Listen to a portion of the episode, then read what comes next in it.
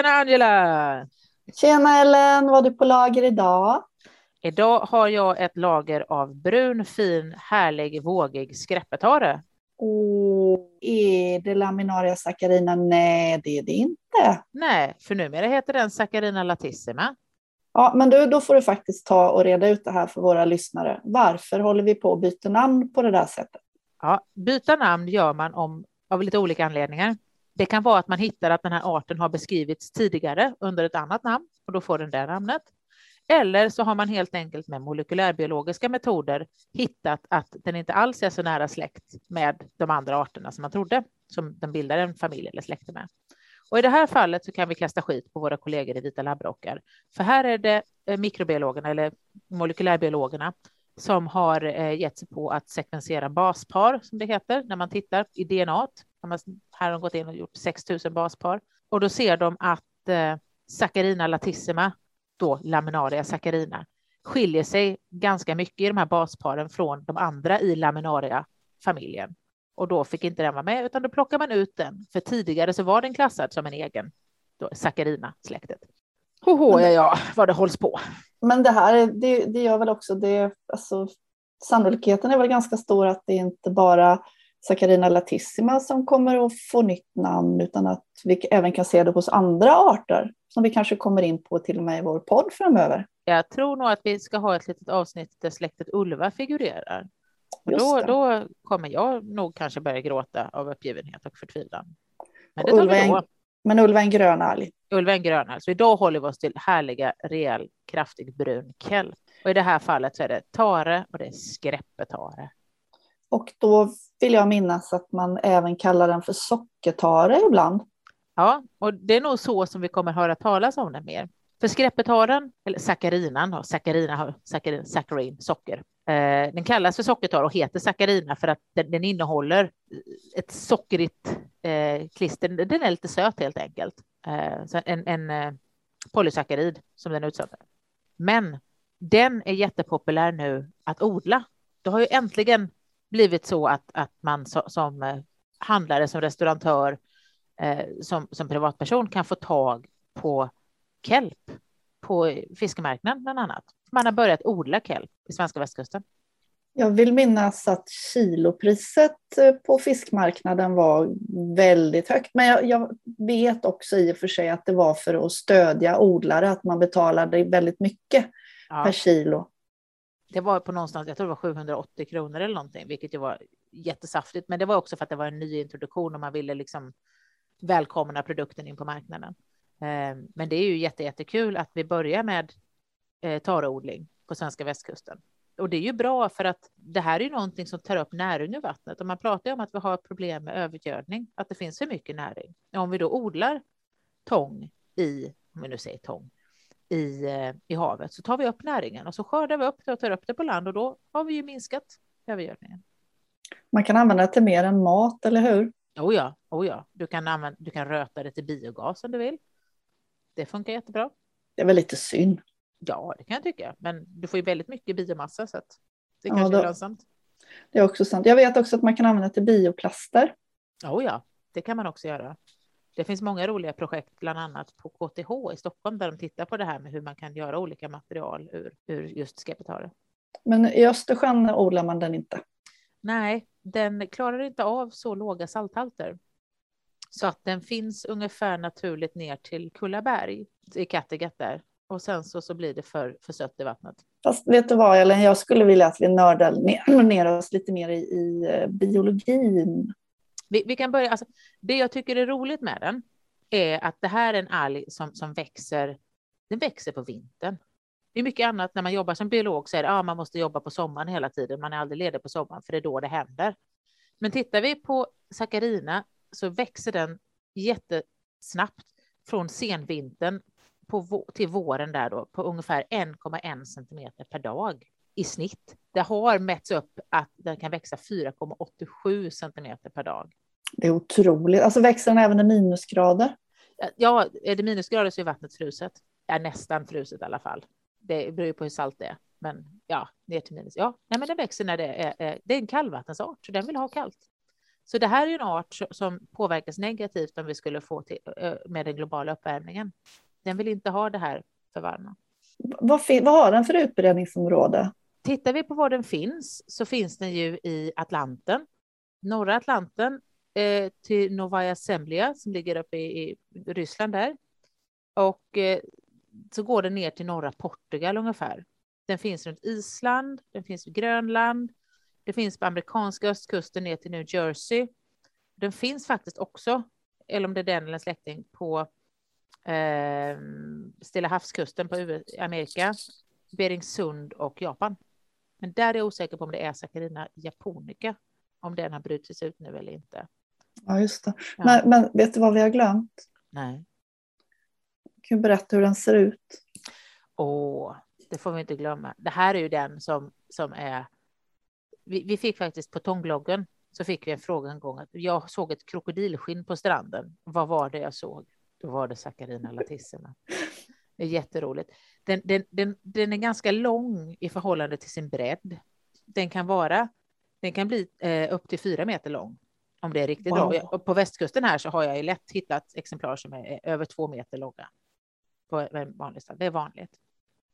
Men då är den kanske 30-40 centimeter bred. Den har en sån här undulerande, alltså en vågig kant och mittbiten ser ut som ett krokodilskinn helt enkelt.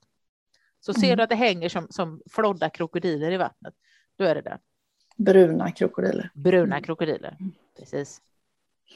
Men den, den, har också en skälk, eller hur? En liten ja, kort. Den har, den har en liten skälk. Så, så den har, och det är det här eh, när, när, man pratar om hur alger fäster sig. Vi, vi pratade ju redan i första avsnittet om att alger sitter på hårt material och har inte rötter. Men de kan ha rotliknande fästorgan, så kallade haptärer. Och det här är en typisk sån art. Det ser ut som det är rötter. Alltså tänk en tall som växer på berg så rötterna är otroligt tydliga.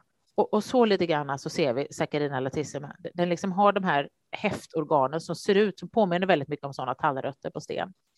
Och sen så är det en liten, liten skälk som är rund och den är väldigt, väldigt böjlig, för det måste den vara, för annars så kommer den ju gå sönder när det är mycket vågor. Och sen kommer det här långa bladet.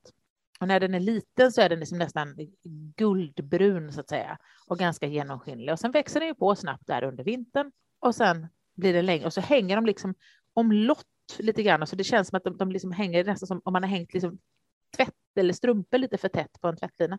Och sen är väl när de växer så växer de inte i toppen utan de växer där stipes slutar. Ja, Saccharina latissima är ganska häftiga för att laminaria, digitata och sånt, de växer precis nere där stipelsen börjar. Men Saccharina latissima är lite annorlunda för den växer liksom i hela sidan, både på längden och bredden, men inte lika mycket på bredden som på längden. Och, men jag menar, alltså, den har också en komplicerad livscykel och det måste du faktiskt fördjupa dig i. Vi måste alltid fördjupa oss i livscyklerna, för det, det är här vi är. Vi sitter och pratar nörd på, på, en, på en otroligt eh, sån nivå. Så att eh, håll i hatten, här kommer de svåra orden, kan vi säga. Det häftiga är det, här har vi en generationsväxling. Om man vill se livscykeln så har jag lagt upp den i ett litet inlägg på tångbloggen.com. När det bildas, vi, vi börjar med att man, bildar sporangium. Ett sporangium är en liten, liten behållare där man har eh, bildar gametofyter. Och varje sporangium innehåller 32 zoosporer. De har zoosporer. Okej, okay, vad är en zoospor? Angela, vad är en zoospor? Det har man ju. Det är ju lätt att komma ihåg. Zoospor, zoo, djur, rör sig. Sporer som rör sig. Mm, precis, så det är inte svårare än så. Det är alltså rörliga sporer som släpps ut från sporangierna. Sporangium innehåller spor och då blir de mikroskopiska dioika haploida gametofyter. Woohoo! Ja, de är super, super små. Man måste ha ett mikroskop och se dem. Det är jättehäftigt. Man blir jätte, liksom så bara, way. Och först så är gametofyten varken hane eller hona. Det kallas för dumbbell stage, liksom ett könlöst stadium. Och sen växer den till och då först blir den antingen hane eller hona. Så det som händer sen när de har blivit antingen hane eller hona, det är att då bildas det gameter, alltså små sperms, eller ägg på, ja, äggen bildas på honan och spermierna på hangametofyten. Pytte, pytte, pytte små. Äggen sitter kvar på honan och hanen släpper ut sina spermier så de får simma och hitta honan. För spermier är ju, har ju en svans så de kan simma, de är aktiva. Och ägg är ju bara en boll, de är ju av sin natur passiva. Det har ingenting med att man vill lägga ett genusperspektiv på att killar är aktiva och tjejer är passiva, utan det är faktiskt så det är rent cellulärt. Du kan inte vara aktiv om du inte har en svans och ägg har ingen svans. Så spermierna simmar och eh, befruktar ägget och då blir det en zygot, vilket det heter när man har en befruktad cell. Och då växer den upp till en så kallad sporofyt och den här sporofyten är då den makroskopiska stadiet som vi ser, som blir det här stora krokodilskinnet. Sen kommer det på sporofyten att bildas nya sporanger och så släpper de i sin tur iväg solsporer. Så vartannat, eh, så, så om, om, du är en, om du är en skräppetare så kommer mm. dina barn vara mikroskopiska, men dina barnbarn kommer se ut som du och vara makroskopiska. Så generationsväxling. Det där är fantastiskt och det återkommer ju hos eh, flera olika makroalger. Mm. Det, det, här är, det här är ganska vanligt just hos de här stora kelparna, att det är varannan växling. Så här. Och Saccharina latissima har då den här typen av generationsväxling. Mm. Eh, och sen var vi inne på rödalger som kunde ha en, en ännu mer komplicerad livscykel. Vet du vad, det kan, vad kan man tänka sig att det är för fördelar med att, att ha det här? Ja, här finns ju den stora fördelen att det här lilla gametofytstadiet som är mikroskopiskt är ju inte lika känsligt för det är så få celler. Så här kan jag tänka mig att det kanske tål att torkas ut om du skulle, för de växer ju ganska grunt, för alla vill ju komma upp och vara nära solljuset eftersom vi pratar om fotosyntetiserade organismer. Så du har ju också en, en fördel att om förutsättningarna växlar så kanske det ena stadiet klarar sig bättre än det andra stadiet. En intressant sak exempelvis är också det här att eh, om du, eh, sexration mellan han och hongametofyter, alltså det mikroskopiska stadiet, beror på temperatur. Mm. Mm. Du kanske kommer ihåg det här med krokodiler då, apropå liknande arter, att eh, honan kan bestämma med, med där hon lägger äggen och beroende på temperaturen så blir det hanar eller honor. Lite samma här faktiskt. Det visar sig att mellan 17 till 20 grader Celsius så är det vanligare med hangametofyter än med hongametofyter. Honorna vill ha lite svalare, så då ser vi också hur den här arten skulle påverkas av en eh, temperaturförändring globalt. Det där är ju väldigt, väldigt spännande. Och sen det är också det här med, med Saccharina latissima, att du sa ju, berättade ju att de tillväxer på vintern. Mm. Och att det kan ju vara väldigt kallt i vattnet på vintern naturligtvis. Mm. Innebär det då har det någonting att göra med vad det blir för förhållande mellan hanar och honar, han och hongametofyter senare? Ja, det har man inte riktigt tittat på så mycket, men vad man ser här, att om, om vi ser solsporerna, för att de ska kunna kläckas och släppas ut i vattnet, eh, det gör de inte om det blir för varmt. Så den förökningen, solsporförökningen, den asexuella förökningen om man så vill, den bromsas om det blir varmare än 20 grader i vattnet. Så de kan alltså inte göra den här Eh, solspårförökningen om det blir för varmt på sommaren. Gametofyterna, de små mikroskopiska, de växer bättre med ökad temperatur mellan 4 till 17 grader. Sen blir det varmare än 17 grader, då växer de sämre. Eh, och så ser vi också att, att det, eh, fekunditeten, alltså befruktningen där, den, den, eh, blir det varmare än 20 grader, då trivs inte den här arten överhuvudtaget. Sporofyten, det här stora bladet, den tillväxten på det här bladet, bromsas in och vid 17 grader och stannar helt vid 20 grader. Så att, ja, så att det, vi, det vi ser också är att så du frågade innan där om hur de trivs vid, vid, vid minusgrader så. Eh, embryosporerna, de här små befruktade, de har en 100 procent befruktningsgrad och utveckling vid 0 grader Celsius. Så det här är ju liksom en, en, en nordpolsart om man säger så. Här ska det vara kallt. Då, då funderar jag också på de här algodlingarna, om vi kommer tillbaka till dem man har inte ut, man, man gör någonting på labb först och sen sätter man ut dem, eller hur? Ja, det man gör är ju, vet, om du ska, det du vill skörda är ju den här stora sporofyten. Det är det stora, du vill få upp många kilo alg, alltså mycket biomassa. Och det du gör på labb, det är att du ser till att den, eh, du, du tar in eh, fertila sådana som har sporanger och så ser du till att de här små solsporerna sätter sig på på rep som är snurrat på, på rullar. Och så får de här de små mikroskopiska gametofyterna får då ha sin lilla, växa till där och ha lite kvalitetstid som bara gametofyter kan ha. Tills att sporofyterna bildas och en ny liten bebissporofyt växer på. Då tar man det här repet och snurrar det på ett grövre rep som man hänger ut i havet. Så det är bara den makroskopiska delen av livscykeln som man odlar ute i fält och den andra gör man då inne på labb så att säga för att det måste vara litet och nära och man behöver kunna kontrollera det. Just precis, så är det. Men sen kan man ju skörda dem på sommaren. Ja, fast jag, och det här är en sån smaksak eh, och, och, det beror ju på hur nördig man är och eftersom jag är jättenördig så skulle jag säga så här, jag tycker att de smakar bäst tidigt på året, för de har växt på bra under vintern, februari, mars. Men jag vill inte plocka dem senare än april, för att sen tycker jag att de smakar lite för mycket grönt. Utan när de växer till på vintern så växer de, men inte så mycket med fotosyntesmaterial som har lagrats lite grann. Så jag tycker att de, de, de har en bättre, sockrigare smak mm, mm. tidigt på året. Men annars eh, när man odlar så brukar man skörda dem i maj. Det beror ju på vad man vill att de ska innehålla. Och då tror jag de har en ganska hög topp i proteininnehåll. Så vill man ha dem för att med sån här pH-reversibel process slaska ut protein för att kunna göra vegetariska hamburgare och sånt så eh, är det perfekt att skörda då. Men om man ska äta dem direkt och göra eh, tångchips exempelvis, som jag tycker är gott att göra, så vill jag plocka dem lite tidigare. Hur gör du tångchips? Eh, då gör jag så att först, för att alger innehåller ju väldigt mycket jod och det ska man alltid vara försiktig med. Så om man har struma exempelvis eller problem med sköldkörteln så ska man alltid prata med sin läkare innan man äter alger. Men för att bli av med jättemycket av jorden så blancherar jag dem i 60-gradigt vatten bara en, en, kort fem minuter. Och då behåller de oftast eh, mycket av den här bruna färgen, för annars om du stoppar alger i kokande vatten så försvinner ju alla andra pigment förutom klorofyllen. Det är så man gör trolleri så får du en grön brun alg. Det är så man kan jäklas med sina studenter på tentan. Vad är det här för art då? Been there, done that. Hell yeah. Nej, men så jag brukar blanchera dem för att behålla dem färgen med 60 gradigt vatten, för då försvinner väldigt mycket av joden. Har man visat. Och sen klipper jag upp dem i lagom stora bitar, lägger dem på en plåt med lite bakplåtspapper har jag lärt mig, för annars kan de fastna på plåten och så får man stämjärna bort dem. Eh, men på bakplåtspapper eller sånt här eh, teflonpapper ännu bättre. Och så kör jag in dem i ugn på varmluft 50 grader tills de är torra och liksom, ja, snus.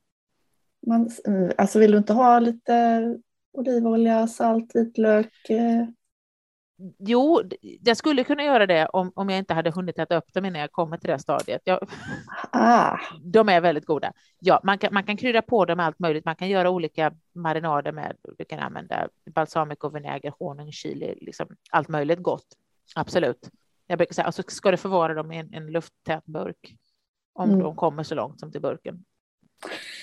Det är väldigt bra. Men du, det, det, vilka delar brukar du föredra? Jag tar ju hela biten, alltså in, inte eh, själva haptärerna, alltså den, det rotliknande häftorganet eller skälken stipes, utan jag tar hela bladet. Men det får inte vara för gammalt. Eh, eller det, det, kan vara gammalt, det är okej, men det ska inte vara påväxt på, för då, då är det ju massa andra djur och alger som sitter på och det har jag ingen lust att äta. För ibland kan det vara täckt med en liten matta av rödalger och de innehåller ofta en massa läskiga kemikalier som man inte vill äta. Eller så kan det vara påväxt av de här eh, mossdjuren. Det är som en liten, ett litet nät av kalk. Och det kan man väl se. Bark säger man ju ja, ibland också. Ja. Precis. Och det kan man ju se som ett protein och kalktillskott när man vill. Det är ju inte farligt. Men äh, jag vet inte, det knistrar mellan tänderna. Jag är inte så förtjust. Så det är egentligen man bör vara försiktig med att det inte är så, eller försiktig, men där det inte är så mycket påväxt helt enkelt. Det var fräscha, fina ja, men, bruna blad. Exakt, fräscha, fina, rena blad. Och sen så som alltid när du plockar alger så ska du tänka på att gör inte det i närheten av en, någon form av föroreningskälla, alltså inte precis bakom båtmotorn eller i någon marin eller vid ett utsläpp. För alger tar ju upp det som finns i vattnet och finns det massa guck i vattnet så finns det alger. Mm. Men det är ju faktiskt även samma med växter på land.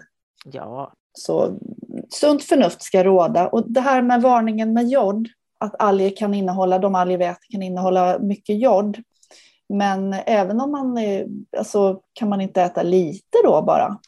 Om man går in på Livsmedelsverkets hemsida, livsmedelsverket.se, så står det att de rekommenderar 5 gram per dag. Det står inte om det är våtvikt eller torrvikt dock. Det är väldigt stor skillnad. Faktiskt. Ja, det är jätteskillnad.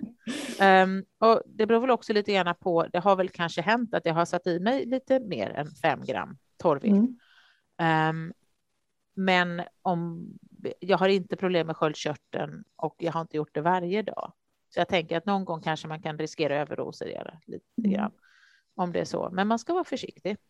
Jag tror att vi får anledning att återkomma till det här med alger som mat och, och alltså, eftersom det finns olika sorter och de bruna är inte samma som de gröna och så vidare och så vidare. Så att eh, ja, det finns anledning att återkomma till det, eller hur?